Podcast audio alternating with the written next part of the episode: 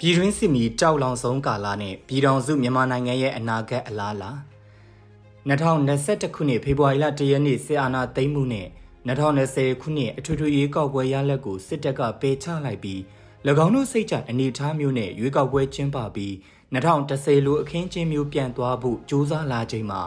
ရွေးကောက်ပွဲလမ်းကြောင်းကရေပန်းမစားဆုံးနိုင်ငံရေးရွေးချယ်မှုတစ်ခုဖြစ်သွားပြီးလက်နက်ကင်လမ်းစဉ်နဲ့အာဏာသိမ်းစစ်တပ်ကိုဖြုတ်ချဖို့ ကြိုးပမ်းမှုစတင်လာခဲ့တာဖြစ်ပါတယ်။ဒီအဖြစ်အပျက်တွေကပြန်ပြီးနောက်ခံအဖြစ်ပြောရလောက်အောင်မဟောင်းနှွမ်းသေးပါဘူး။သို့ပေမဲ့လည်းကြောရုပ်ခံတဲ့ပင်မအကြောင်းအချက်ဖြစ်တာမို့လို့ပြန်ပလင်ခံရတဲ့သဘောမျိုးဖြစ်ပါတယ်။2010အခြေအနေနဲ့2021ဖေဖော်ဝါရီတရက်နောက်ပိုင်းအခြေအနေက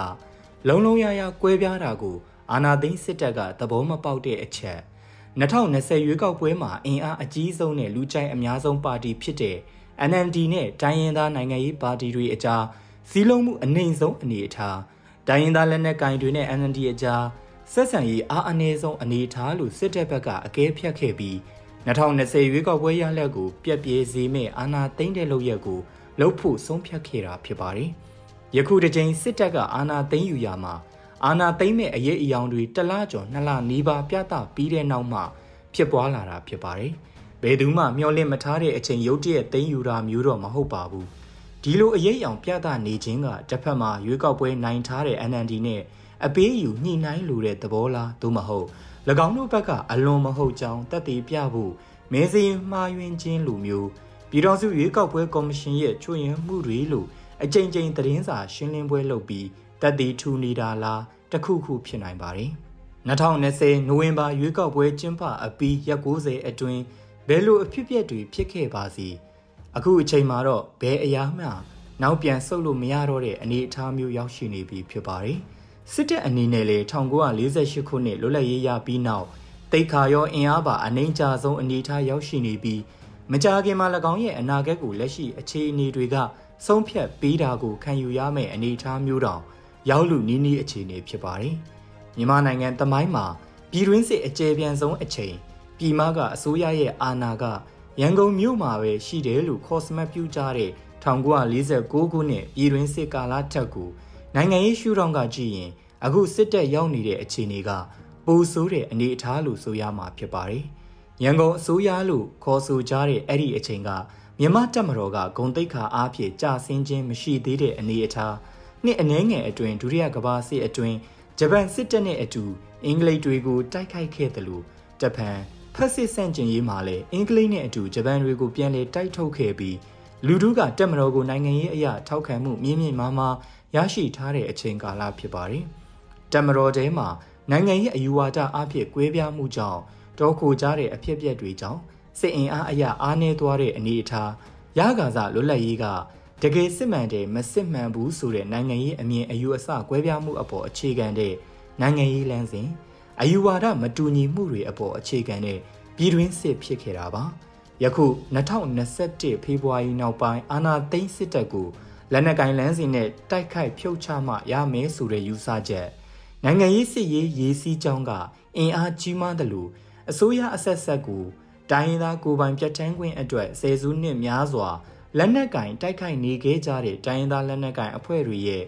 ရှိနှစ်ပြီးလွတ်မြောက်နေမည်ဖွဲ့စည်းထားပြီး လက်နက်ကင်တက်အင်အားနဲ့တိုက်ခိုက်မှုအတွေ့အကြုံတွေက1949 1951ခုနှစ်ပြည်တွင်းစစ်ကာလ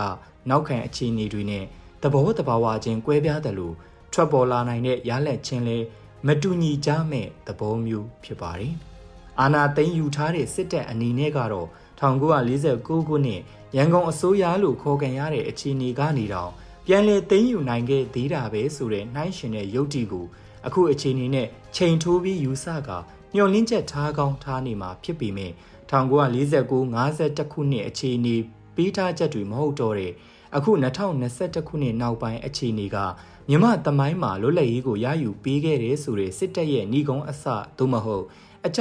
အလဲပိုင်းလောက်ရောက်နေတာဖြစ်ပါတယ်။လူထုထောက်ခံမှုအကြဆင်းဆုံးအခြေအနေတိုင်းရင်းသားလူမျိုးစုအားလုံးနဲ့ဗမာလူမျိုးစုတွေထဲမှာပါစစ်တပ်ကိုဘုံရန်သူအနေနဲ့ ထားပြီးလက်နက်ကင်အဖွဲ့ပေါင်းအမြောက်အများပေါ်ထွက်လာခဲ့တဲ့အချိန်အခုတကြိမ်ပြည်တွင်းစစ်ရဲ့သဘောတဘာဝကသတင်းအချက်လက်နည်းပညာခေတ်ဖြစ်တာနဲ့အညီဒဒိုမီနိုအကျိုးသက်ရောက်မှုအရာစစ်ကောင်စီတပ်တွေရဲ့ရှုံးနိမ့်မှုစိတ်ဓာတ်ရေးအရာကြာဆင်းမှုတွေကအခြားဒေသကစစ်ကောင်စီတပ်တွေစီမြန်မြန်ဆန်ဆန်ကူးဆက်ပြန့်နှံ့သွားတဲ့ခင်မျိုးရောက်ရှိနေတာဖြစ်ပါတယ်။ ရှမ်းမြောက်မှာတက်မအလိုက်ဒေသကိုကဲမှုစစ်ဌာနချုပ်အလိုက်လက်နက်ချတဲ့သတင်းတွေဟာညတွင်ချင်းနေ့တွင်ချင်းမြန်မာနိုင်ငံရဲ့အခြားသောဒေသကစစ်ကောင်စီတပ်တွေစီကူးဆက်သွားတဲ့ခင်မျိုးဖြစ်တာမို့လို့တရင်အချက်လက်နည်းပညာတိုးတက်မှုကဘူပေါင်းဆောင်ရွက်မှုတွေအတွက်လည်းအကျိုးပြုတယ်လို့စိတ်ဓာတ်ပြိုကျမှုအရှုံးရလက်တွေကလည်းမိုင်းယာချီကွာဝေးတဲ့အခြားနေရာတွေအထိမြန်မြန်ဆန်ဆန်ကူးဆက်စေနိုင်တဲ့ခေတ်ဖြစ်ပါတယ်။ ဒီအခြေအနေတွေကဒီနေ့ဖြစ်ပျက်နေတဲ့စစ်ရေးအခြေအနေတွေဖြစ်ပြီးစစ်ရေးအရာအောင်မြင်မှုရရှိလာတဲ့တိုင်းရင်းသားလက်နက်ကိုင်အဖွဲ့တွေအကြားတိုင်းရင်းသားလက်နက်ကိုင်အဖွဲ့တွေနဲ့ပြည်မအခြေပြုအဖွဲ့အစည်းလို့ဆိုရမယ့်အမျိုးသားညီညွတ်ရေးအစိုးရလို့နိုင်ငံရေးအင်အားစုအကြားနိုင်ငံရေးအခင်းချင်းတစ်ခုကိုဘယ်လိုပုံဖော်တည်ဆောက်ကြမလဲဆိုတာကအမြန်ဆုံးတွေးဆပုံဖော်ကြရမယ်ဆွေးနွေးညှိနှိုင်းကြရမယ်အနေအထားဖြစ်လာနေပြီလို့ထင်မြင်မိပါတယ်။ Federal စနစ်နဲ့ပြည်ထောင်စုမြန်မာနိုင်ငံကိုတည်ဆောက်ကြမယ်လို့ရေပုံရနားလည်ထားကြပေမဲ့သဘောတူချီနှောင်ထားတဲ့ဂတိကဝတ်တွေ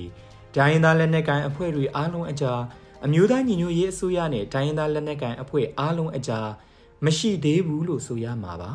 အချို့အဖွဲ့တွေနဲ့ရှိထားပြီးဖြစ်တော်လဲအချို့အဖွဲ့တွေကမတူညီတဲ့မျှော်မှန်းချက်တွေရည်မှန်းချက်တွေရှိနေနေပြီးဖြစ်ပါတယ်။ Federal ပြည်ထောင်စုမြန်မာနိုင်ငံဆိုတဲ့အနေအထားမျိုးပြန်လည်ဖွဲ့စည်းနိုင်မလား